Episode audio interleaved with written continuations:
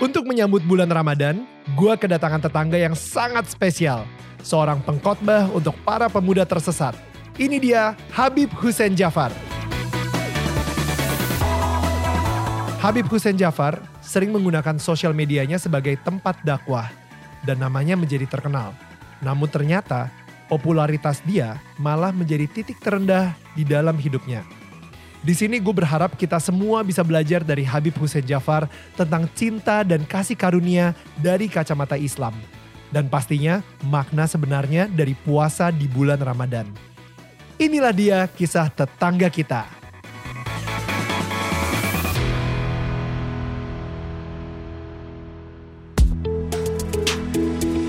Ini gua Daniel, tetangga kamu. Di sini gua akan ngobrol dengan tetangga gua tentang perjalanan hidup mereka dari kacamata spiritual di saat mereka mengalami situasi tidak pasti dan kekhawatiran sampai bisa kembali bangkit menjadi orang yang lebih kuat dari sebelumnya. It's gonna be very exclusive and inspiring. Dan gue excited banget untuk memperkenalkan ke kalian Habib Hussein Jafar. Bib, Halo. welcome. Wih. Akhirnya kita berada di sofa ini. Akhirnya, yes. Dan gue excited banget. Dan mungkin buat teman-teman sekarang ini lagi nonton, ini kenapa gue sebenarnya udah ngikutin Habib nih dari sejak pertama kali muncul di eh, Pemuda Tersesat. Gitu Oke. ya. Dan habis itu juga pas dengerin tentang hatinya Habib sendiri ketika menjelaskan ke eh, Pak Gita Wiryawan. Kita Wiryawan. itu kayak wow I love this guy even more Um, dan gue minta kepada kalian semua mungkin di sini yang gak kenal sama Habib gitu ya. Um, bisa membuka hati kalian membuka pikiran kalian dan mungkin bisa mendengarkan kayak kenapa gue excited banget bisa ngobrol sama Habib milenial ini gitu kan. Yang benar-benar kayak uh, apa ya gue baca satu artikel Habib memperjuangkan toleransi se-Indonesia. Pokoknya ada deh yang yang ini banget Iya. gitu dan and and I love it. Um, gue bener-bener bangga banget juga uh, Habib Hussein juga mau hadir di Daniel Tangga Kamu dan momennya pas banget nih. Bentar lagi mau memasuki bulan puasa juga. Bulan Ramadan. Ya kan? Uh, bulan Ramadan. Jadi it's it's so exciting.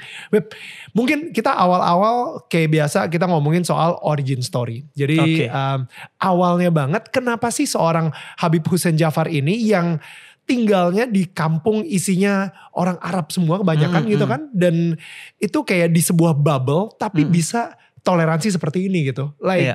kita bisa ceritain sedikit nggak masa kecilnya Habib juga dan maksudnya sampai uh, di di saat ini yang di mana mempunyai hati toleransi yang begitu tinggi gitu. Iya. Gue walaupun hidup di komunitas yang homogen, Hmm. tapi kan pikiran dan hati gue dididik oleh ayah gue untuk berjalan ke sana kemari gitu. Hmm. Hmm. Melalui apa? Salah satu yang utama adalah melalui buku. Hmm. Di rumah gue banyak sekali buku. Dan itu yang menyebabkan gue berpikir orang yang beli buku dan tidak membacanya itu tidak sepenuhnya salah. Hmm. Karena mungkin anaknya akan membacanya. Karena Hmm. anak itu lahir di buku. Gue Hmm. gitu, gue ngelihat buku tiap hari di rumah. Lama-lama berinteraksi dengan buku. Wow. Awalnya berinteraksi secara fisik. Hmm. eh, menjadikan buku itu sebagai mainan gue gitu. Hmm. Eh, gua tumpuk, Hmm. warnanya gua samain dan Hmm. lain sebagainya. Hmm. Lama-lama gue mulai membaca sinopsis belakangnya, Ah ya. mulai tertarik kepada isinya, Hmm. dan akhirnya gue mulai membaca buku itu. Ah. Karena Hmm. itu eh, pikiran gue keluar Hmm. dari eh, Bubble, kerag- betul. keseragaman hidup Ya. gua di kampung. Ya, buku Nah. seperti apa ya by the way? Kalau misalnya boleh tahu? Nah, buku-buku bokap gue itu Ya. merentang dari yang sisi sana ke sisi sini gitu. Misalnya ya, kalau dalam Islam ada seorang pemikir yang sangat tegas, Hmm. itu namanya Said Kutub. Oke, Seorang pemikir Mesir yang akhirnya dipenjara oke. sampai meninggal, Hmm. dihukum mati. Itu banyak buku Said Kutub di rumah gue. Oh wow. Seorang ayah yang gue kenal sangat moderat, tapi Hmm. mengoleksi buku-bukunya Said Kutub. Wow. Yang sangat tegas pemikirannya. Hmm. Kemudian eh, kalau buku-buku yang penuh dengan toleransi, moderatisme itu sudah pasti menumpuk di rumah gua. Tapi buku-buku yang tegas-tegas sekalipun kita Hmm. belajar. Hmm. Karena lagi-lagi kita belajar dari mereka karena ada nilai-nilai yang bisa kita ambil dari mereka. Said Kutub misalnya penafsirannya terhadap Al-Quran itu penuh dengan sastra sehingga menarik. Hmm. Kemudian kita belajar eh, untuk tidak setuju Hmm. dan akhirnya kita setuju untuk tidak setuju. Hmm. Karena orang yang tidak setuju karena ilmu itu berbeda dengan orang yang tidak setuju karena kebodohan. Outputnya beda. Hmm. Orang yang tidak setuju karena ilmu, outputnya adalah saling cinta. Imam Malik dan Imam Abu Hanifah ini dua tokoh utama dalam eh, hukum Islam. Hmm. Berbeda dalam 1400 permasalahan. Kemudian ketika ditanya Imam Malik tentang Imam Abu Hanifah yang berdebat dalam banyak hal, beda dalam banyak hal. Seorang yang sangat cerdas, yang begitu cerdasnya hingga kalau lu minta sebongkah kayu itu diargumentasikan bahwa itu adalah emas, dia bisa meyakinkan lu bahwa itu adalah emas. Saking cerdasnya Imam Abu Hanifah. Wow. Ya. Orang yang berbeda dalam 1400 permasalahan, Hmm. tapi atas dasar ilmu perbedaannya. Hmm. Hmm. Begitu juga eh, dalam surat Al-Anbiya ayat 78, Nabi Daud dan Nabi Sulaiman itu pernah berbeda pendapat. Oh, bokap anak nih ya. Iya.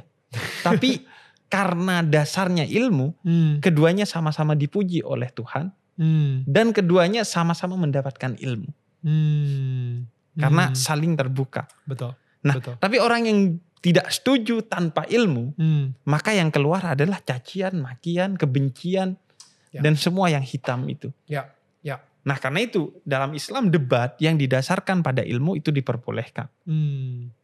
Karena itu Al-Qur'an eh, memerintahkan kita untuk berdebat dalam beberapa hal. Ya. Eh, Wajadilhum billati hiya ahsan, berdebatlah dengan cara terbaik. Hmm. Tapi kalau debat yang didasarkan nafsu dan bermodal kebodohan, itu disebut debat yang eh, di atas kuda, debat, debat kusir. kursi. yang pasti ada setan di tengahnya sebagai wasitnya. Uh. Nah itu Setuju. gue akhirnya dari buku. Oke. Kemudian yang penting juga dari ayah gue sih. Dari bokap ya. Iya dari Hmm. bokap. Karena bokap itu punya tradisi setelah sholat subuh dan di malam hari setelah sholat maghrib isya mengajak bicara anaknya berbagai hal yang bahkan mungkin eh, si anak ini tidak mengerti. Hmm. Dia gak peduli. Obrolan kayak apa?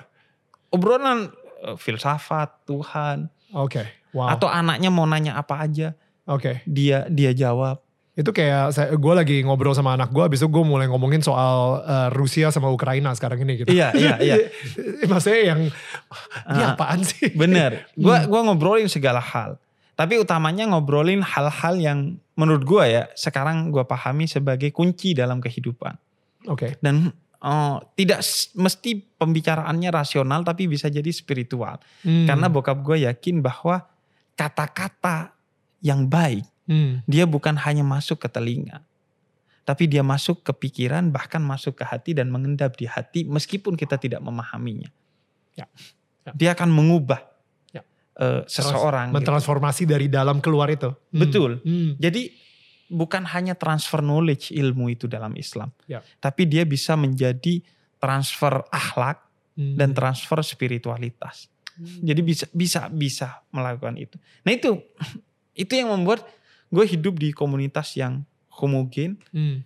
tapi gue bisa berpikir yang eh, menerima heterogenitas gitu. Jadi itu di di eh, di Madura ya. Itu di Jawa Timur. Jawa Timur itu Madura swasta. Jadi eh, Jawa dia, tapi dia berbahasa dan berbudaya Madura. Oke oke. dan oke. dan eh, mereka punya kearifan-kearifan yang sangat eh, amazing gitu. Oke. Misalnya ya, eh, orang Madura itu, gue pernah ngantri di ATM. Dia menghitung kembali uang yang dia tarik di ATM. Menghitung. Oke dia tarik. Jadi habis itu dia juta misalnya dia hitung cek lagi. lagi duitnya. Ha. Eh, setiap tiga bulan dia biasanya akan bayar eh, untuk biaya panen sawah. Oke. Entah bayar eh, sewa sawahnya. Sehingga dia narik kira-kira 30 juta lah. Oke. Sehingga wow. lama kan. ya Dua setengah juta kalau satu-satu dihitungin. dua setengah. Ya. Terus gue ketok.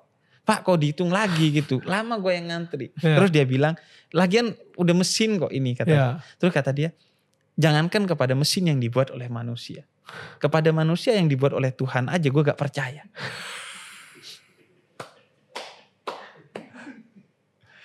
Dan gue akhirnya Baru tahu ketika gue mendapati kasus yang mengenai pada diri gue. Memang pernah store tunai atau tarik tunai itu ada masalah. Paling tidak yang gue rasakan store tunai. Oke. Oke. Dan itu memang iya kata Angkanya salah gitu pas lu lagi Iya, store tunai gitu. akhirnya Iya. salah karena ada namanya juga mesin ya. Iya, iya, iya. Tanpa terasa gue sadar waktu itu. Iya ya. Gue dibuat tunduk kepada sesuatu yang buatan Buatan manusia, manusia. yang pasti ada Glitch. Errornya. Iya, iya. human aja ada errornya gitu. Hmm. Hmm. Dan gue akhirnya dari sana iya ya. Dan akhirnya gue mulai nyari. Ternyata gue memang berbudaya Madura. Buktinya gue setiap keluar dari mobil gue kunci mobilnya. Dan gue coba lagi kerja-kerja. Dan gue mulai bangga dengan itu gitu. Iya. Ah. Karena gue gak, karena gini. Kalau dalam filsafat, salah satu problem manusia dan teknologi adalah ma- manusia itu dibuat teralienasi dari dirinya sendiri oleh teknologi. Hmm. Hmm. Satu hal misalnya ya. Gue sebagai seorang muslim, biasa aja ketika lupa sholat. Hmm. Tapi tidak biasa aja ketika lupa HP. Wuh. Itu kan problem. ya. Ya. I- Itu yang menjadi poin kritik dari tradisi Madura itu. Hmm. Yang juga kadang kita teralienasi Hmm. dari eh, kemanusiaan kita. Dari. Misalnya ya, Ya.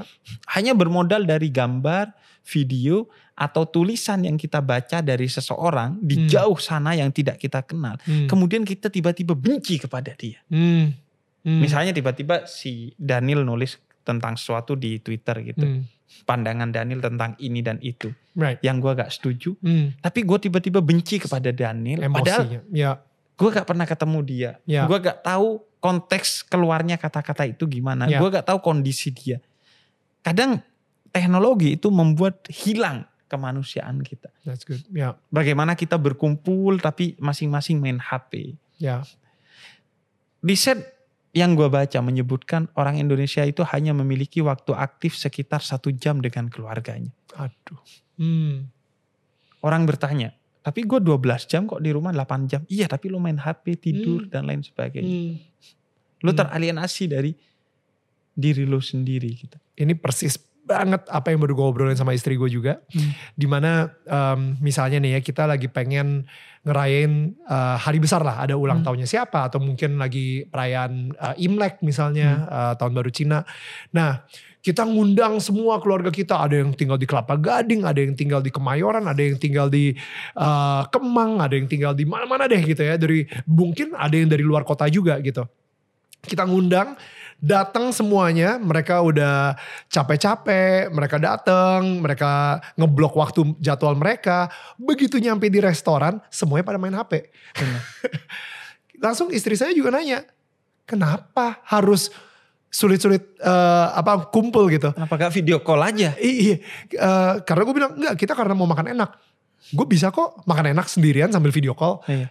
Udah kelar gitu. Atau gini, gue kemarin eh, nonton orang yang nonton eh, GP di Mandalika. Hmm, hmm.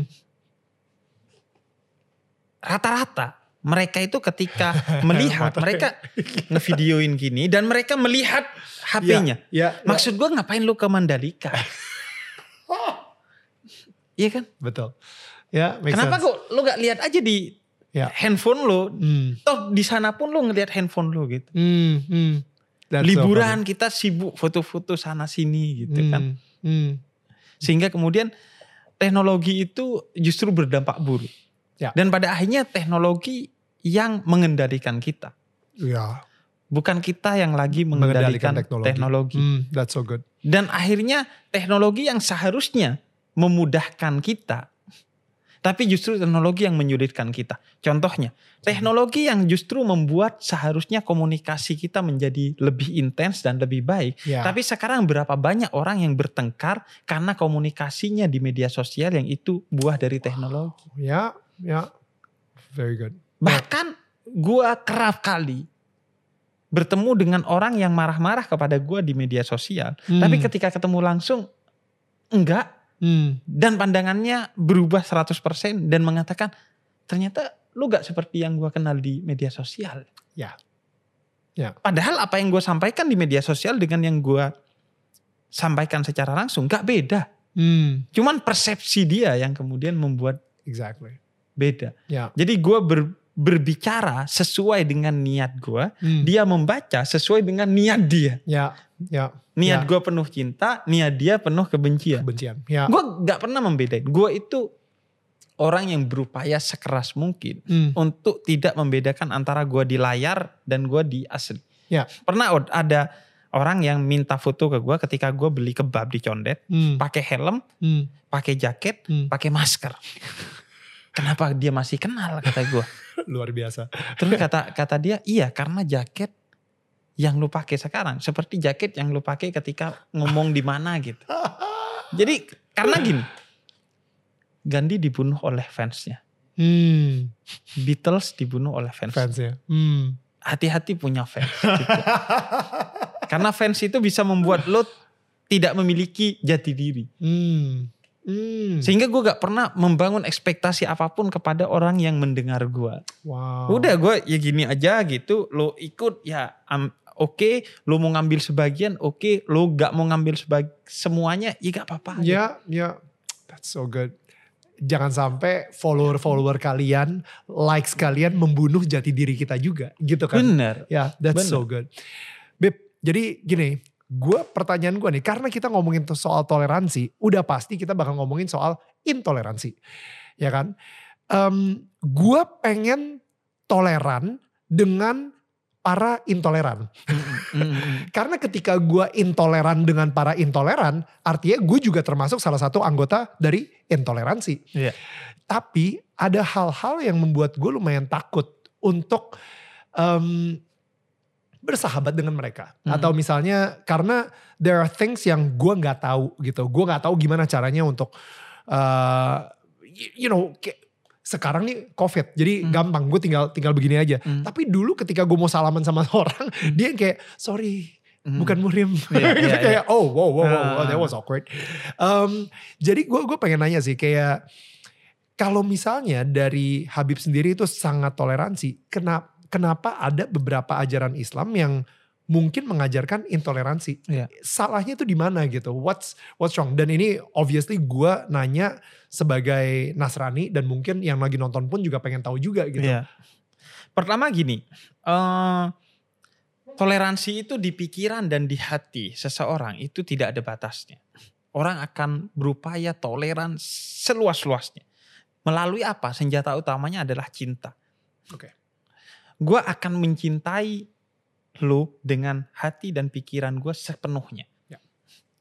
Tapi eh, sebagai seorang yang beriman dan berislam, sebagaimana lo sebagai seorang yang beriman dan beragama juga, itu punya eh, loyalitas kepada agama lo yang menyebabkan relasi kita meskipun toleran itu harus ada batasnya secara hukum.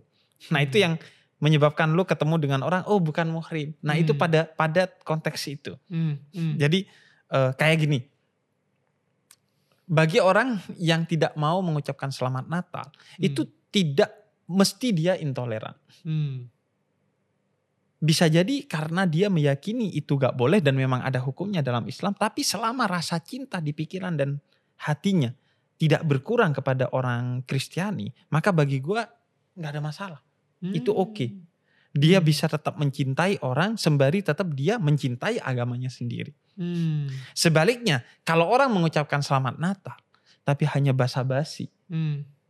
agar lu eh secara bisnis bisa oke sama gua atau Hmm. bahkan agar kena nih Hmm. lu itu intoleransi bagiku. Oh. Jadi itu eh, satu hal. Kemudian kalau intoleransi pada pada makna yang sebenarnya apa sebabnya? It- yang pertama bisa jadi eh, sebabnya adalah eh, salah paham. Mhm. Kesalahan dia dalam memahami eh, teks-teks agama. Oke. Yang kesalahan ini bisa dari sumber bacaan yang salah. Hmm. Yang sumber bacaan itu bisa diproduksi oleh kekuatan-kekuatan politis yang memang sengaja Wow. mau eh, membuat pemahaman dia salah. Wow. Nah itu eh, sumbernya bisa dari pikiran, kesalahpahaman. Hmm. Dan kalau sumbernya dari pikiran, itu oke. Hmm. Tinggal dibenarkan pemahamannya selesai. Hmm. Hmm. Tapi ada sumber kedua yang itu sumbernya dari egoisme, Hmm. nafsu dalam hati dia. Hmm. Ketika intoleransi itu sumbernya adalah. Egoisme Ya. atau kebencian kepada orang, Hmm. maka dia akan selalu melihat objeknya dalam kacamata yang buruk. Hmm. Nggak bisa diubah itu. Hmm. Hmm. Sehingga dia akan ngelihat selalu buruk. Hmm. Bahkan dia membaca Al-Quran dalam tafsiran yang buruk karena yang membaca adalah Hatinya emang nafsunya. udah nafsu. Hatinya Ya. yang sudah dikuasai oleh nafsunya. Ya. Makanya dalam Al-Quran dibilang la yamassahu illal mutahharun. Tidak boleh mem- berinteraksi dengan Al-Quran kecuali orang yang suci.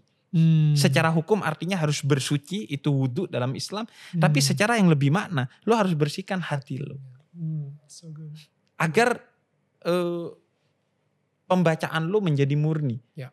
Agar Tuhan yang berbicara kepada lo bukan lo yang mendikte. Ya. Tuhan untuk harus begini dan begitu. Karena kan Al-Quran sebagaimana kitab suci-kitab suci lainnya itu maknanya, medan maknanya kan sangat luas. Bisa ditafsirkan seenak jidat kita kan. Ya. Ya. Bagi mereka yang kotor pikiran dan hatinya bisa aja. Ya. Nah karena itu menjadi eh, penting untuk bersih. Nah intoleransi kalau sumbernya kebencian itu yang susah. Hmm. Gue gak bilang mustahil tapi susah. Karena kalaupun pemahamannya sudah beres, kalau sininya gak beres, Hmm. repot. Hmm. Hmm. Berapa banyak kan orang yang pemahamannya beres, tapi sininya gak beres bahaya. Gue Ya. kasih contoh. Orang yang korupsi dari pejabat-pejabat kita, gue gak yakin ininya gak beres. yang Sangat gak beres, itu ininya. Ya, betul. ininya mah udah S3, udah Betul. profesor, udah Betul. ah udah oke lah. Hmm. Dan mungkin dia tahu kok kalau yang ini sebenarnya Hmm. eh, mencuri gitu. Hmm. Hmm. Tapi ininya mengendalikan Hatinya Pikirannya. masih mengendalikan pikirannya. Betul. pikiran, hatinya yang kotor mengendalikan pikirannya Betul. sehingga dia bikin enggak kok Hmm. itu bukan mencuri itu masih sebenarnya Di begini." justify. Nah, Hmm. Hmm. Nah, itulah yang dalam filsafat eh, Madhab Frankfurt di Jerman disebut sebagai rasio yang instrumental. Bukan lo menggunakan akalnya, tapi lo ngakalin orang lain. So good. So Menggunakan akal untuk kemudian mengakali. Mengakali. So. Ya. Jadi kepintaran lo pakai untuk membodohi orang lain, bukan menjer- mencerdaskan orang lain. Tapi orang yang hatinya bersih, bahkan kebodohannya pun mendidik bagi orang. Seperti yang gue lihat di kampung gue, Hmm. banyak orang-orang Madura yang dia gak sekolah. Secara akademis mungkin dia bisa digolongkan sebagai orang-orang yang tidak eh, pintar. Hmm. Tapi betapa banyaknya hikmah yang gue dapat dari dia. Ya. Ya. Sesuatu yang dalam tanda petik bodoh tapi ngajarin ke gue. Hmm. Ya salah satunya tadi. Hmm. Ya. Atau yang yang lainnya mereka itu kalau jual sate Hmm. itu menyebutnya sate nomor dua paling enak di dunia. Nomor satu. Nomor satunya apa? Tuhan. Tetap dia tempatkan Tuhan itu nomor satu dalam segala. Bahkan gue sering cerita orang Madura itu adalah orang yang berani jual bensin eceran di pintu keluar pom bensin. Nekat. Nekat banget. Kata gue dua kesalahan. Jual bensin jangan di pintu keluar. Ah, jangan di depan pom bensin dan Iya. yang kedua kok di pintu keluar. Jangan Kalau di pintu pintu- masuk mending masih ngalangin yang mau Iya. masuk. Iya. Kata dia, kata gue orang Arab semuanya beriman. Ternyata enggak kata orang Madura. Buktinya lo nih. Gue gue percaya bahwa rezeki itu sudah diatur sedemikian rupa oleh Tuhan. Anak indadoni abdibi kata Tuhan dalam hadis kursi. Saya tergantung pradugamu kepada saya. Hmm. Dan dia manfaatkan itu dengan sebaik-baiknya. Ya. Ya. Dia lempar kepada Tuhan tanggung jawabnya. Ya, ya. Gue udah kerja. Akhirnya Tuhan yang ribet kan. Akhirnya Tuhan bikin skema sedemikian rupa untuk ngasih makan si orang Madura ini. Wow. Dengan orang yang ngantri, capek ngantri ngelihat ah ada eceran, ah eceran aja dah. Iya di pintu luar. Iya. Wow. Jadi Tuhan yang akhirnya ngurusi rezekinya si orang Madura ini. Jadi dia gak ngurusi rezekinya sendiri. Dan tiga anaknya sarjana. What? Serius, gue ketemu langsung sama orang ini. Dan itu bukan satu dua orang, banyak sebenarnya fenomena gitu. Kalau Wow. sekarang bukan orang Madura aja, banyak udah yang Ya, jualan ya, bensin ya, ya. eceran di pintu keluar pom bensin. Iya, iya, iya. Wow. I love it. Um, apa titik transformasi untuk Habib Hussein sendiri? Titik terendahnya sendiri itu di mana? Kalau misalnya di dalam hidup Habib Hussein. Sebenarnya eh gue menilai popularitas itu sebagai titik terendah gue. Iya. What? Karena pertama ya gue bukan orang yang secara algoritmatik itu dididik untuk menjadi orang yang populer. Oke. Maksudnya lu emang gak ada niat ke situ. Gak ada niat ke situ, gak punya algoritma tubuh yang seneng di situ dan lain Right, sebagainya. right.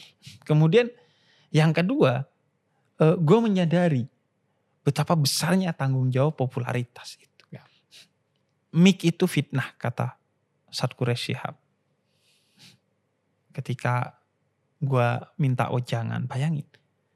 Ketika lu udah biasa didengar oleh orang, lu akan sampai pada titik ketika lu gak punya apa yang ingin disampaikan, baik ilmunya ataupun pendapat lu, tapi ah orang dengerin ini juga, ya udah gue ngomong seenaknya Wow. sorot kamera, sorot lampu, mic ini kan bahaya bro. Hmm. Makanya gue memilih untuk tetap nulis Hmm. agar gue punya sesuatu yang mau gue bicarain. Ya. Gue memilih untuk tetap baca agar gue punya sesuatu untuk gue bicarain. Gak Hmm. ke mana-mana omongan gue. Dengan ditulis gue tahu yang harus gue omongin ini. Betul. Ini kapasitas gue. Hmm. Dengan membaca gue punya bahan untuk gue omongin. Itu kan anomali kita sekarang. Hmm. Kita itu negara dengan minat baca terendah di dunia. Tapi minat berkomentar di medsos paling besar di dunia. Hmm. Apa yang lu komentarin kalau lu gak pernah baca? Hmm. Hmm. Kata kakek gue, kalau lu mau ngitung ilmunya seseorang, lihat jumlah bukunya. Segitu ilmunya udah. Wow. Gue merasa popularitas itu betul-betul membuat gue berada pada anomali yang sangat tinggi. Hmm. Gue bingung, Hmm. gue takut, gue khawatir, gue seneng, gua, semua ada tuh tumpang tindih itu. Wow. Gue belum pernah berada dalam kekacauan seperti itu. Maksudnya kekacauan berpikir ya, Hmm. ini apa sebenarnya yang Tuhan kehendaki atas gue gitu. Itu yang bikin gue kemudian, ya gue eh, syukurnya gue semakin hidup. Akhirnya gue mulai memikirkan hidup gue lebih keras lagi dan lebih keras lagi. Hmm. Tapi menurut gue itu titik penting ya titik di mana gue mulai berpikir keras tentang hidup gue itu saat gue Populer. beberapa tahun yang lalu Ya. mendapatkan itu popularitas itu Hmm. apa maksudnya Hmm. bagaimana gue menjaga agar popularitas ini baik Hmm. jangan-jangan ini kecohan dari Tuhan Hmm. jangan-jangan ini banyak itu Ya. dan gue terus berada dalam anomali itu Hmm. karena itu gue berusaha menjaga kehadiran Tuhan Hmm. dalam popularitas gue dengan gue bikin yayasan dengan Hmm. gue eh, bantu teman-teman beasiswa bantu gue buka rumah sehat mental Hmm. dan lain sebagainya Hmm. Ah, ya itu karena gue dulu ya enak-enak aja gitu sebagai penulis udah gue mencurahkan apa yang gue ingin curahkan tapi ketika lo populer banyak gue gak bisa men, lo gak bisa mencurahkan apa pun seenak jidat lo Ya. Ya. lo harus memikirkan kepala orang lain Hmm. ini bukan soal hak berpendapat lo Hmm. beberapa hak lo sudah harus ditahan Uh. meskipun menurut lo benar tapi kalau gak baik gak bermanfaat Hmm. atau tidak di waktu yang tepat maka lo harus tahan Hmm. itu itu itu semua anomali anomali yang gue temukan Hmm. dalam popularitas ini Ya. Dan kewajibannya malah lebih tinggi lagi. lebih tinggi Ya. Ya. lebih tinggi Ya. dan wah eh, ya gimana ya lo lo harus bukan hanya enjoy dengan ini tapi lo harus melihat ini sebagai eh, tanggung jawab Ya.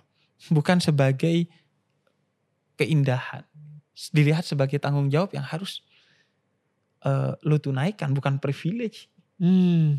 Uh. makanya makanya gue gue merasa kasihan dan rugi orang yang dari kecil mendapatkan privilege itu ya Hmm.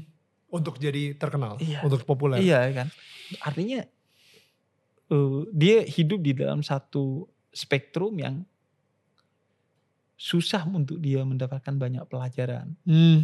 Hmm. Dan dia Kan- ngerasa entitled buat banyak hal banget. Ya. Iya.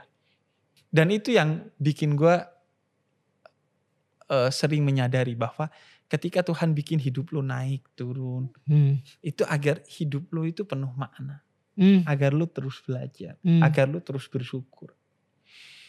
Karena itu pula kayaknya orang yang grafiknya udah begini tuh Hmm. di jantung tuh kalau jantung tuh kan begini masih hidup tuh. Kalau udah lurus tuh berarti mati loh. Makanya hidup naik turun itu sebagai simbol bahwa lu masih hidup. That's good. Ya. Kadang lu kaya, kadang lu miskin, kadang Ya. lu seneng, kadang lu sedih. Ya. Hidup memang harus begitu. Ya. Tanpa misteri, apa indahnya hidup? Ya. Ya. Tanpa naik turun, apa indahnya hidup? Teh ini terasa manis karena gue udah pernah mengecap apa eh, pahit. Hmm. Hmm. Hmm. Kalau gue habis makan coklat, teh ini gak kerasa manis. Hmm. Hidup kalau manis terus, akhirnya lu gak tahu rasanya manis. Hmm. Hmm. Tapi Tuhan mengajarkan bahwa dalam pahit pun itu ada keindahan dan harus lo rasain. Seperti ketika kita minum kopi, pahitnya itu bisa kita rasakan sebagai satu keindahan. Keenakan gitu. Ya. Akhirnya udah dapat belum jawaban dari Tuhan kenapa diberikan popularitas? Eh, gue punya konsep dari ayah gue bahwa hidup itu wakaf umur untuk Apa Tuhan. itu artinya? Mewakafkan umur kita untuk Tuhan. Mewakafkan, Memberikan hi- umur kita mempersembahkan untuk berarti. mempersembahkan Hmm. hidup kita. Hmm. Yang kadang orang salah paham kemudian menjadi teroris gitu, pembunuh diri. Hmm. Tidak, memberikan hidup kita kepada Tuhan. Hidup itu menjadi berarti kalau diberikan kepada Tuhan. Hmm. Hmm. Intan surullah yang surukum. Kalau lu bantu Allah, kata Allah dalam Quran, maka Tuhan akan bantu lu. That's good. Udah, gue memaknai pada akhirnya popularitas ini soal eh, kesempatan yang lebih besar bagi gue untuk mempersembahkan diri kepada Tuhan. Ya. Ya. Itu yang membuat eh, YouTube gue misalnya gue gak pakai AdSense. Hmm. sebagai bentuk ya udah gue mau mendedikasikan ini kepada Tuhan gitu. Hmm. Eh, itu yang membuat gue harus terus mengingat ini masih ada gunanya atau tidak Hmm. ini masih ada nilai dakwahnya atau tidak semua hal yang hadir ke gue gue lihat dalam kacamata itu ini masih ada Hmm. nilai dakwahnya apa tidak Hmm. kalau ada nilai dakwahnya jadi badut pun gue mau Ya. Ya. sebagian orang menganggap gue udah jadi badut iya dengan dengan segala hal eh, kreatif yang gue lakukan Hmm. bahkan sebagian mungkin menganggap gak pantas seorang Habib seorang pendakwah melakukan ini Hmm. tapi Hmm. gue enjoy selama eh, masih ada Tuhan. dakwahnya. Hmm. eh, ridho dan ada nilai dakwahnya gitu Hmm. Hmm. That's good. ya Nabi Muhammad juga eh, ya jadi jadi orang yang eh gak pantas bagi beliau yang sangat agung itu turun Hmm. ke bumi aja udah gak pantas kok Hmm. ketemu sama curut-curut macam kita nggak pantas kok nemuin or- orang-orang kayak kita yang Nabi itu tahu ah ini bajingan ini iya kan orang-orang mulia itu gak pantas kok hidup sama kita ngapain Ya. hidup sama kita gitu Hmm. Hmm. tapi eh, mereka mau hidup sama kita Ya. mau mengerti kita Hmm. mau memaafkan kita bayangin mau Ya. memaafkan kita Ya. dan mau memberi solusi kepada kita Hmm. seorang datang kepada Nabi, Nabi saya tidur sama istri siang hari di bulan Ramadan. Hmm. Ya udah, kamu ngas eh, bayar eh, kafaroh puasa dua bulan berturut-turut. Sebulan aja jebol sehari, apalagi dua bulan. ya udah ngasih makan orang miskin sebagai gantinya. Hmm. Saya ini miskin, Nabi. Hmm. Jadi gimana mau ngasih makan orang miskin? Hmm. Ya udah kata Nabi, ini kurma dan gandum kamu kasih ke orang miskin. Hmm. Lah saya miskin, mending saya makan sendiri. kan lagi puasa. Iya. Enggak, udah sambil tersenyum kata Nabi, ya udah. Eh. Itu sebagai ganti puasamu. Oh. wow. Jadi Nabi itu bukan hanya menegakkan hukum, ya, tapi juga memberi solusi. ya, ya, ya. Ya. Makanya gue sebagai pendakwah itu guidance gue adalah Google Maps. Oke. Google Maps yang tidak pernah menyesatkan orang. Hmm. Gue seharusnya belok kiri tapi gue belok kanan. Google gak bilang, hei bego lo tersesat. Enggak. Tapi Google langsung cari cari carikan Reroute. jalan. Reroute. Ya, cari rute lain. Iya. Ya. Udah pendakwah itu begitu. Hmm. Orang seburuk apa pun kita lihat ada jalan. So good. Selama dia masih hidup berarti ada jalan untuk dia jadi baik. jalan itu tertutup karena dua hal atau karena tiga hal. Pertama kalau dia mati. Yang kedua kalau kita tidak memberi jalan kepada dia. Hmm. Sebagaimana iblis, dajjal, dan setan Hmm. yang selalu menutup jalan orang untuk mendapatkan hidayah dan bertobat. That's Dan yang ketiga kalau dia putus asa. Hmm. Di luar ketiganya jalan Tuhan selalu terbuka. Ya. Jadi ya dakwah seperti Google Maps saja gitu. Nah eh, itu yang bikin gua kayaknya itulah yang yang harus gua gunakan dalam popularitas gua. Ya. Makanya di tengah popularitas gua ya gua mm, menjalankan amanah ayah. Yang Hmm. kata ayah gua, gue pengen deh lihat anak gua eh, dakwah ke public figure. Hmm. Karena kok gua ngerasa public figure itu orang-orang baik yang cuman nggak kenal aja Islam Hmm. yang eh, seharusnya dia kenal. Terlalu berjarak Ya. dia dengan eh, eh, yang seharusnya dekat dengan dia kebaikan itu sendiri. Kemudian gue juga eh, membuka panggung untuk orang-orang yang seharusnya punya panggung. Hmm. Karena dunia entertain sering memberi panggung orang yang tidak seharusnya dapat panggung dan tidak memberi panggung orang yang seharusnya dapat panggung. Wow. Gue mencoba dengan YouTube gue, dengan popularitas gue memberi panggung kepada orang-orang mulia yang menurut gue perlu mendapat panggung. Dan yang ketiga, popularitas gue mencoba hadir kepada orang-orang yang eh, selama ini tidak mendapatkan kehadiran. Kehadiran. Kehadiran segala hal. Mhm. gue misalnya bikin rumah sehat mental Mhm. namanya rumah cahaya untuk orang-orang yang punya masalah mental tapi nggak punya biaya untuk mengatasinya Hmm. ngomong-ngomong dua dari 10 anak muda Indonesia punya masalah mental Wow. dan Wow. itu dakwah juga itu ibadah juga gitu Hmm. kemudian eh, ya gue mencoba aja hadir di tempat-tempat yang ini Ya. Ah, anak muda yang selama ini jauh dari dakwah. Gue pernah dakwah di pantai, gue pernah dakwah di gunung, gue pernah di dakwah di klub, gue pernah dakwah di klub, di mana-mana yang eh, orang pengen denger ya udah gue gua datang ke sana gitu. Ya. Dan itu butuh eh, kerendahan hati Ya. karena di sebagian orang akan ngecengin kan, "Ah, apaan sih dakwah? deh? Mending mabuk aja di sini gitu misalnya. Ya. ya. Tapi lu harus eh, eh, rendah hati gitu Ya. dan dan dan apa eh merak karena lu merasa diri lu lebih dewasa dalam hal keimanan ketimbang dia ya udah lo yang harus mengerti dia bukan Hmm. lu yang menuntut dia mengerti itu itu yang bikin gua ketika puasa juga gitu gue bukan minta dimengerti oleh orang lain gue yang akan mengerti ya udah gua silahkan warung-warung buka dan lain sebagainya Hmm. Uh, karena ya. banyak orang yang nggak puasa di sana dan memang mereka wajib gak puasa Ya. non muslim, Ya. orang sakit, orang dalam perjalanan, Hmm. eh, anak-anak, Hmm. orang tua, Hmm.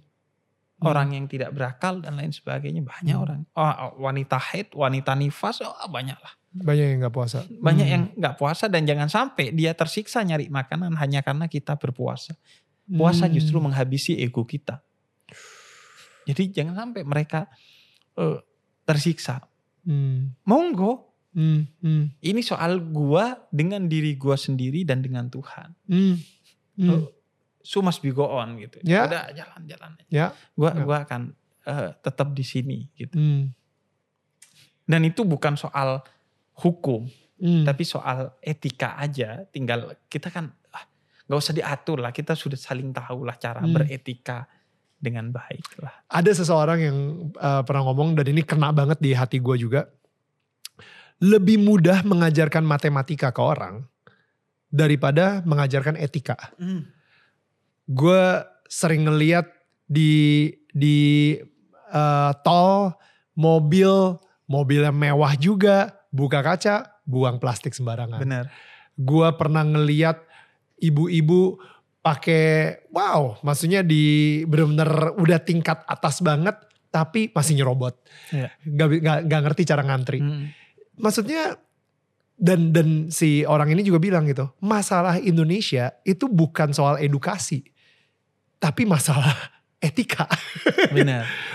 Kalau misalnya dari kacamata gue, paling mudah supaya kita bisa mempunyai hati bersih dan mempunyai etika yang benar, yaitu etika di mana akhirnya kita melakukan hal tersebut karena kita melakukan dengan penuh cinta Hmm. adalah dengan mendekatkan dia sama Tuhan melalui agama gitu. Itu itu itu menurut gue Iya, gitu. benar. Itu itulah supaya eh tapi again bukan bukan agamanya yang kita paksain, Mm. Tuhannya yang kita bikin em, dia jatuh cinta kepada Iya. Tuhannya supaya dia bisa mempunyai hubungan tersebut gitu. Iya. Gue selalu nanya sama temen gue, lu ini penyembah Tuhan atau lu penyembah agama? Hmm. Karena kalau misalnya lu nyembah agama, kita akan terus berdebat nih soal Hmm. agama. Tapi kalau misalnya lu penyembah Tuhan, kita nggak akan debatin apa-apa. Hmm. Kita sama-sama punya Tuhan yang sama kok. Iya. You know, dan ini mungkin kontroversial. Tuhan juga nggak punya agama. Iya. iya. Yesus sekalipun nggak pernah bilang, ikut gue jadi Kristen yuk. Ah, ah. Gak pernah sekalipun Ah. bilang. Tuhan itu nggak punya agama. Yang sering gue bilang adalah bahwa cinta itu gak punya agama. Hmm, Tapi semua agama mengajarkan tentang cinta. cinta. Ya, Jadi eh, kita boleh berbeda dalam agama, tapi kita bersatu dalam cinta. hmm, hmm, Mari kita saling mencintai satu sama lain di tengah perbedaan kita, hmm. dan mari eh, bersama-sama memberikan cinta kepada orang yang masih belum mendapatkan itu. Hmm, Orang yang buta huruf, para yatim piatu, orang Hmm. miskin, hmm, orang yang patah hatinya dan lain sebagainya. Karena ibadah yang termulia kata Tuhan kepada Musa dalam salah satu hadis kudsi adalah memasukkan rasa bahagia ke hati orang lain. hmm, Itu itu itu puncak hmm. dari ibadah membahagiakan orang lain gitu. Ya, that's good. Dengan dengan cinta utamanya bukan dengan apa pun. Dan Tuhan adalah cinta. Dan Tuhan Ketika kita memberikan cinta ke orang lain, kita memasukkan Tuhan ke dalam diri mereka gitu. benar I think that's the revelation Iya. gitu. Iya, Hmm. karena eh, kita tidak akan bisa mengubah orang kecuali Tuhan yang Hmm. mengubahnya. Hmm, Maka eh, ketika lo ingin orang berubah, lo masukkan Tuhan ke dalam dirinya. hmm. Seperti cerita gue dengan peminum minuman keras, iya, gue gak bisa merubah dia. ya, Biar Tuhan yang mengubahnya. Akhirnya ya udah, gue titip Bismillah doang ya, that's so kepada good. dia. Ya, Beb, em, ini bikin gue penasaran deh. Lu kapan sih transisi lu ngeliat dari Tuhan yang maha penghukum, yang hitung-hitungan, dan menjadi Tuhan yang penuh cinta dan penuh dengan pemberi rahmat. eh sebenarnya ya gue gak pernah dididik untuk menjadi seorang hamba yang hitung-hitungan dan Hmm. mengenal Tuhannya sebagai yang penghukum. Yang bos gitu, yang kayaknya Iya. nungguin kalau misalnya kapan nih dia, hmm gak sholat kan, Iya. uh puasa bolong kan. Iya. Atau you know, yang yang kayak gitu enggak, lu gak Gua pernah nggak- ada image itu. Gak pernah eh, mendapat image, image itu secara eh, utama ke diri gue. Oke. Memang ada ya guru-guru yang mengajarkan Islam kecenderungannya begitu. Tapi kan eh, Islam gue itu dari awal banyak dibentuk oleh ayah gue. Oke. dan ibu gue. Dan memang ayah gue selalu berpesan begitu. Jangan biarkan anak lo belajar agama kepada gurunya. Karena saat dia akan mengamalkan agamanya itu, kalau dia dapat dari gurunya, maka pahalanya mengalir kepada gurunya. Hmm. Jadi pastikan dia mendapatkan Hmm. agama itu dari lu. Sehingga ketika lu wafat, lu akan tetap hidup Hmm. mendapatkan pahala dari anak lu yang Hmm. menjalankan agamanya. Hmm. Hmm. Misalnya lah, membaca bismillah. Itu Hmm. akan dipakai terus dalam Islam seumur hidup. Hmm. Jangan sampai tuh belajarnya dari dari guru eh, dari guru kata Hmm. dia. Sayang harusnya dari orang tua mulut dari ya, orang tua. mulut Dan yang kedua orang tua yang memastikan bahwa anaknya itu akan beragama dengan baik. Hmm. Hmm. Nah karena itu gue belajar utamanya dari orang tua gue. Dan orang tua gue, gue itu eh, membangun gue sebagai seorang yang beragama dengan berdaulat. Agama dipilih tidak diwarisi. Hmm. Hmm. Makanya eh, bokap gue relatif tidak eh, memaksa gue untuk sholat. Wow. Dia hanya meneladankan Mhm. yang pertama. Yang kedua memberi pemahaman kenapa lu harus sholat. Hmm. Sedangkan sebagian orang hanya dikasih tahu bagaimana cara sholat. Bukan apa itu sholat. Hmm. Hmm. Sehingga ketika orang tuanya pergi, teman-teman gue dulu waktu kecil, ya udah dia gak sholat gitu. Ya, ya, ya. Karena nggak ada nggak ada yang, yang kontrol ngawasi. lagi, iya nggak ada yang ngawasin lagi. Padahal dosa itu paling mengerikan kata Sina Ali adalah saat lu sendiri. Hmm. Saat lu gak sendiri, lu mungkin malu kepada orang Hmm. untuk melakukan dosa. Hmm. Walaupun agak aneh, tapi gak malu sama Tuhan. Hmm. Tapi Hmm. saat lu sendiri, lu biasanya eh, akan mudah melakukan hal-hal konyol minimal lah. Ya. Jadi kamar mandi lah, kita kan konyol Ya, gitu. Sendirian. Nah, Di depan cermin kadang melakukan, ya, iya kan? ya. Latihan Nah, jadi VJ kayaknya kalau Iya, gitu. kata gitu. Atau ya banyak lah hal-hal konyol. Iya, iya, iya. iya. Nah, misalnya gue pernah mau masuk kamar mandi nonton video katanya kita gak bisa eh, mencium siku kita sendiri di kamar mandi. Eh, Cobain. Iya iya gak bener bisa. gak bisa. Iya. Terus apa yang mau disombongin Eh, dari iya. manusia ya? Lu gak berkuasa atas diri lu sendiri lu. Kenapa lu harus ini gitu sombong? Nah dari sana gue diajari untuk berdaulat. Hmm. Apa itu sholat? Misalnya ayah gue bilang, eh, ini yang kemudian gue temukan di filsafat. Eh, Heidegger salah satu filosof Jerman. Kita itu ke dunia kan terlempar. Plek, Hmm. Lu gak minta. Tiba-tiba terlempar. Lu Hmm. harus ngapain? Hmm. Nggak tahu. Hmm. Karena bukan lu yang menentukan semua itu. Hmm. Hmm. Maka visi misi hidup lu, kata bokap gua adalah beribadah. Hmm. Karena itu yang diajarkan Tuhan. That's Karena Tuhan yang menciptakan lu. Lu gak berhak punya visi misi. Betul. Ya. Dan kalau tidak, lu akan oleng dalam hidup itu. Hmm. Hmm. Sebagaimana eh, Viktor Frankl, seorang psikolog yang yang sempat di camp Nazi itu ya. camp konsentrasi Hmm, Nazi. Purpose purpose of a man ya atau apa lupa. Iya. Ah. Eh, dia kan bicara tentang meaningful. Ya. Orang yang kehilangan makna dalam hidupnya, dia akan cenderung lemah dan bunuh diri. Ya. Ketika orang di penjara oleh Nazi gak jelas sampai kapan, salahnya apa gak jelas, akhirnya ah gantung diri aja deh. Iya.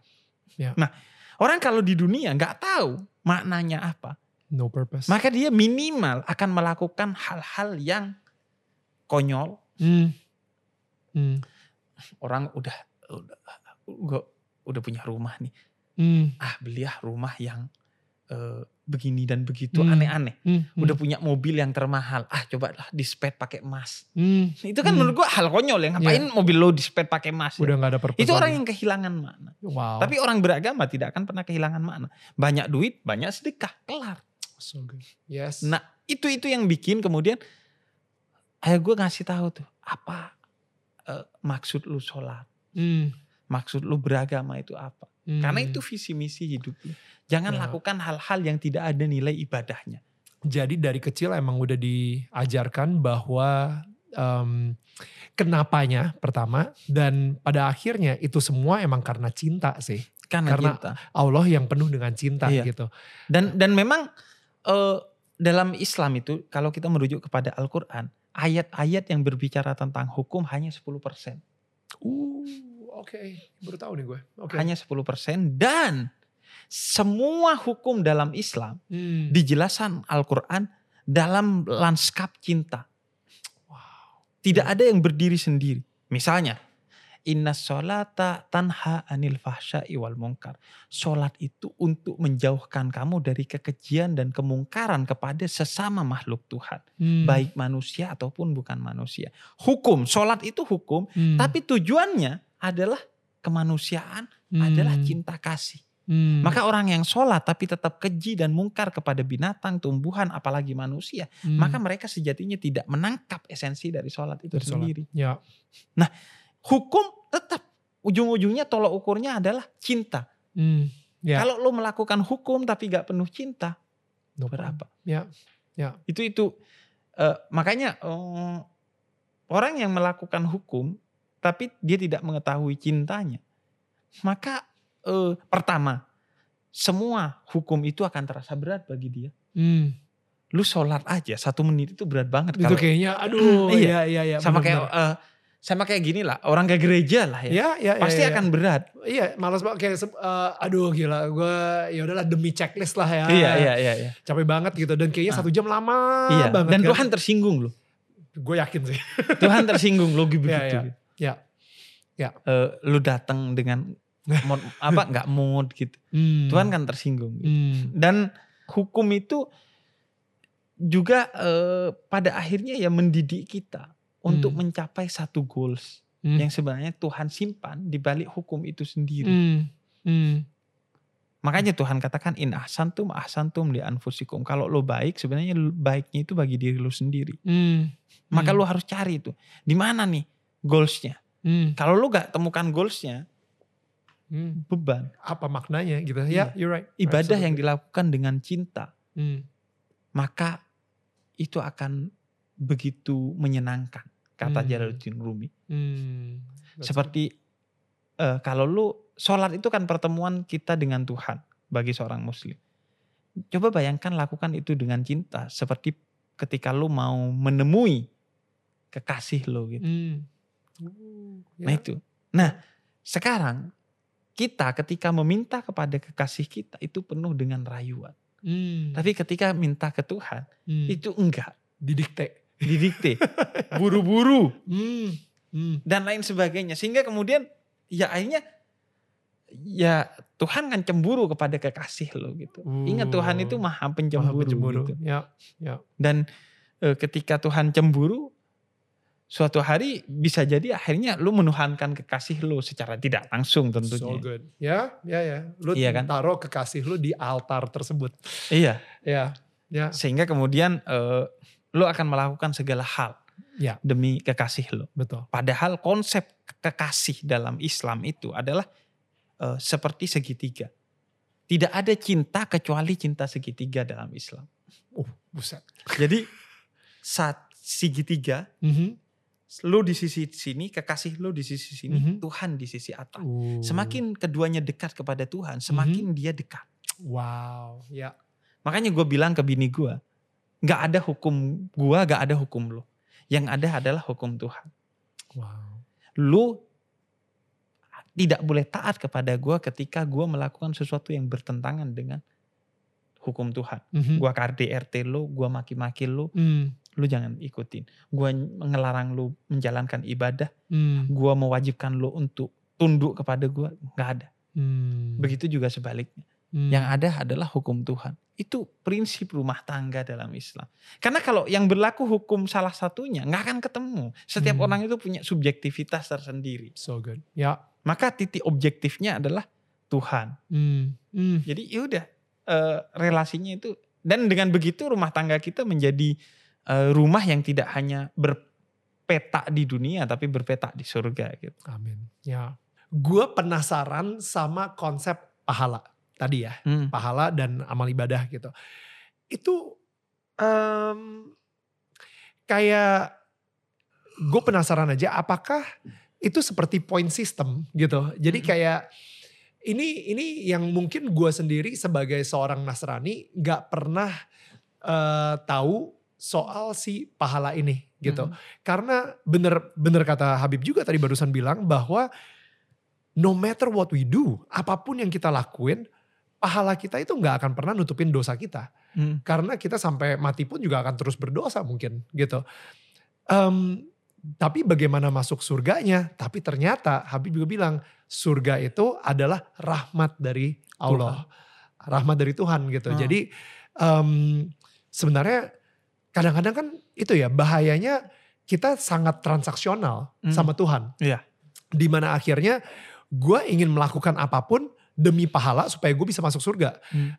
gue pengen ngelakuin, jadi ada agenda di setiap apa pun yang gue lakuin. Hmm. Gue berbuat baik, agendanya adalah supaya gue masuk surga. Pada akhirnya itu kan balik lagi ke diri gue gitu.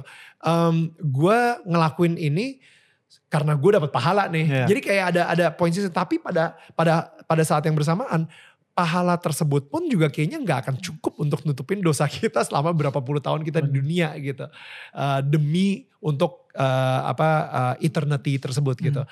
What is the concept of pahala gitu? Ini ini ini gue benar-benar penasaran. Oke. ya. Eh, Gini bahwa setiap segala sesuatu yang kita lakukan di dunia itu pasti ada perhitungannya dari Tuhan. Tuhan tidak pernah tidak adil kepada kita. Oke. Dalam Al-Quran disebutkan wa mayyaman mithqala dzarratin khairan yarah wa mayyaman mithqala dzarratin sarran yarah. Sedikit dosa yang kamu lakukan ada konsekuensinya. Sedikit pahala yang kamu lakukan ada konsekuensinya. Semua ada perhitungannya. Gak mungkin Hmm. Tuhan zalim. Oke. Dan kita berharap surga atau takut neraka itu pada batas tertentu gak ada masalah. Karena Tuhan yang memperkenalkan itu kepada kita. Hmm. Lu baik kepada orang yang baik kepada lu itu baik. Ya. Tapi lu akan jauh lebih baik dan lebih mulia ketika lu baik kepada orang yang gak baik kepada Ngejahatin lu. lo. Hmm. Hmm.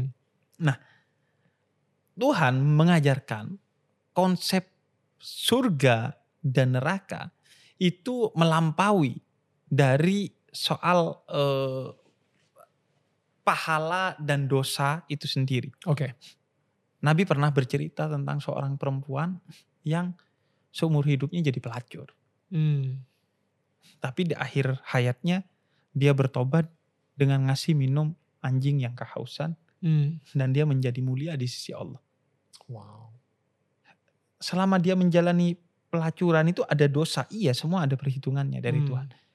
Tapi dia masuk surga Wow. karena ngasih minum anjing yang kehausan. Karena kenapa? Karena lu gak tahu bobot pahala yang tersimpan di balik ngasih minum anjing kehausan dari hati si perempuan itu. Sebagaimana lu juga gak tahu ketika dia melakukan aksi pelacurannya, apakah dia sepenuh hati atau karena keterpaksaan atau jangan-jangan karena sistem yang terjadi pada saat itu yang memaksa dia untuk melakukan itu. Hmm. Karena itu kita gak pernah tahu pada akhirnya konsep surga, neraka, pahala dan dosa. Karena itu sangat terkait dengan hati yang kita gak tahu Hmm. dalamnya itu seperti apa. Hmm. Hmm. Sayyidina Usama bin Zaid seorang sahabat Nabi pernah eh, mengejar seorang musuh yang lari dan kemudian ketika kebojok dia bilang saya bersaksi Allah adalah Tuhan saya dan Muhammad adalah Rasul saya. Hmm. Kemudian tetap di, Dibunuh. dibunuh. Hmm. Sampai kabar ini kepada Nabi kata Nabi kamu membunuhnya setelah dia Bersaksi. bersyahadat Hmm.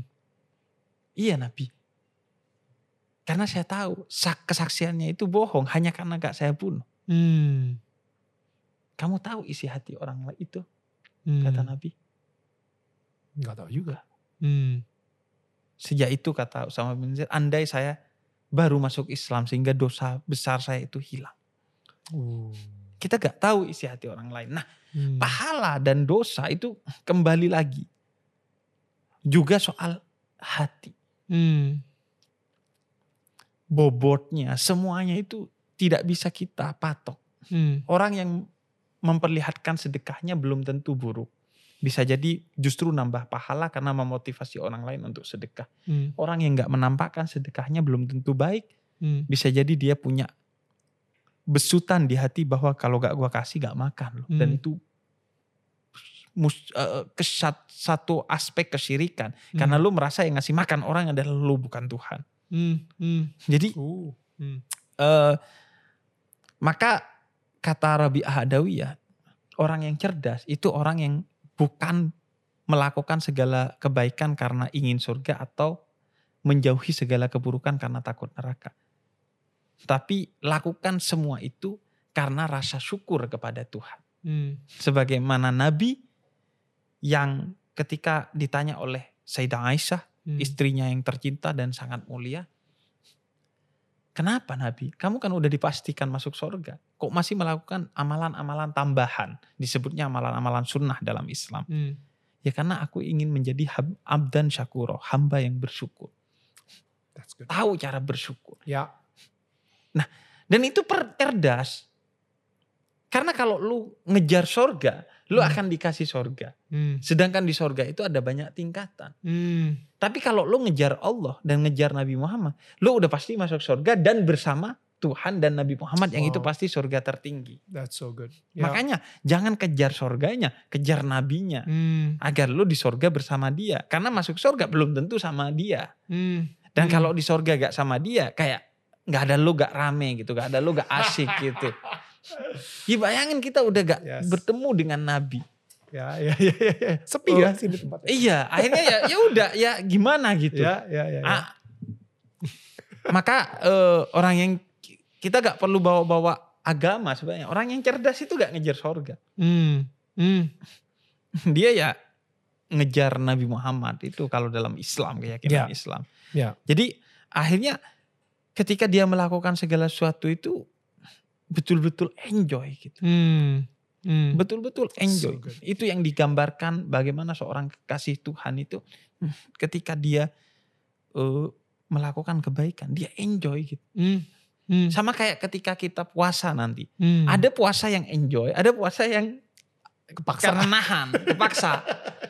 menjalani paling tidak menjalani sebagai kewajiban, Ya. bukan kesadaran. Hmm. Kalau dengan kesadaran tuh enjoy. Dia Ya. tetap produktif, dia tetap ceria, dia tetap sebagai manusia pada Hmm. umumnya gitu. Gak Hmm. nggak ngerasa gue harus nutup eh, warteg Hmm. itu agar tidak mengganggu gue. Enggak, Hmm. karena lebaran itu adalah hari kemenangan dan kalau gue menutup semua hal yang bisa membuat gue kalah, maka bukan kemenangan, bukan kompetisi. Uh. Jadi biarin tuh. ya. Tapi gue menang Hmm. atas mereka, atas diri gue sendiri. Hmm. Hmm. Gue menang gitu. So good. Dan di enjoy, enjoy. Ya. Eh, eh, dalam sholat gue belum sampai di tingkat itu, dalam segala hal gue belum sampai di tingkat itu. Tapi dalam ziarah kubur gue lumayan merasakan itu. Apa itu artinya? Dulu ketika gue ziarah kubur, itu eh, gue gak ngerti, gue hanya menjalaninya sebagai satu amalan. Ziarah kubur itu mendatangi kuburan orang yang sudah wafat. Oke. Oke. Orang yang sudah Oh, lu wafat, berziarah gua gitu ya? berziarah baca doa untuk kebaikan dia. Oke. Karena eh, kita percaya orang yang sudah meninggal itu dia tetap hidup tapi pada dimensi yang berbeda. Oke. Begitu kata Quran. Balhum ahya Oke. indah inda rabbihim yurzakun. Hmm. Ya kayak inilah kayak gua teleponan sama lo tadi, gua di condet, lo di peluit. Hmm. Beda dimensi ruang sebenarnya. Ya. Ya. Dan Steve Jobs menggabungkan kita. Kenapa Tuhan nggak bisa? Oh. Iya. I love Jadi that. udah, Yes. udah. Oke. Dulu tapi gue jalani itu sebagai satu amalan. Hmm. Tapi lambat laun, eh gue mulai merasakan kenyamanan di sana. Hmm. Pertama, gue jadi ingat mati. Hmm. Dan menariknya, orang yang ingat mati, hidupnya pasti lebih hidup. Lebih bermakna. Hmm. Karena dia tahu bahwa ntar akan ada mati. Maka Ya. ayo isi dan Ya. bikin legacy di sini. Ya. Kemudian gue mendapatkan teman-teman yang tiada terkira. Setiap ziarah kubur itu gue ketemu sama orang dengan berbagai latar belakang. Aneh, lucu, pinter, Ya. semua. Kemudian eh, yang ketiga yang paling penting. Gue merasakan kedamaian itu. Hmm. Gue setiap eh, ada masalah gue ziarah kubur. Tapi bukan berarti setiap ziarah kubur gue ada masalah. Kadang orang, wah Habib ziarah kubur pasti ada masalah. Tapi gue menemukan kenikmatan itu. Ya. Ya. ya. Kenikmatan yang sifatnya spiritual yang eh, nggak bisa terjelaskan. Tapi Ya. gue merasakan damai gitu Ya. Ya. ketika itu. Dan itulah sebenarnya puncak dari segala amal baik dalam Islam. Oke. Oke.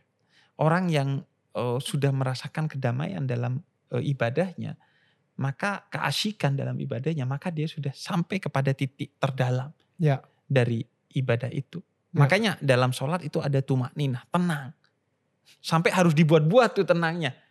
Kalau orang yang belum sampai, tapi kalau orang yang sudah sampai, dia sangat tenang.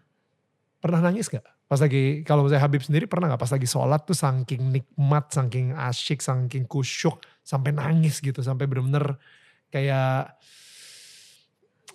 jiwa kita itu udah gak bisa tahan lagi. Sampai akhirnya kita cuma bisa nangis gitu. eh dalam pengertian tertentu iya, Oke. tapi dalam pengertian yang betul-betul genuine nangis enggak.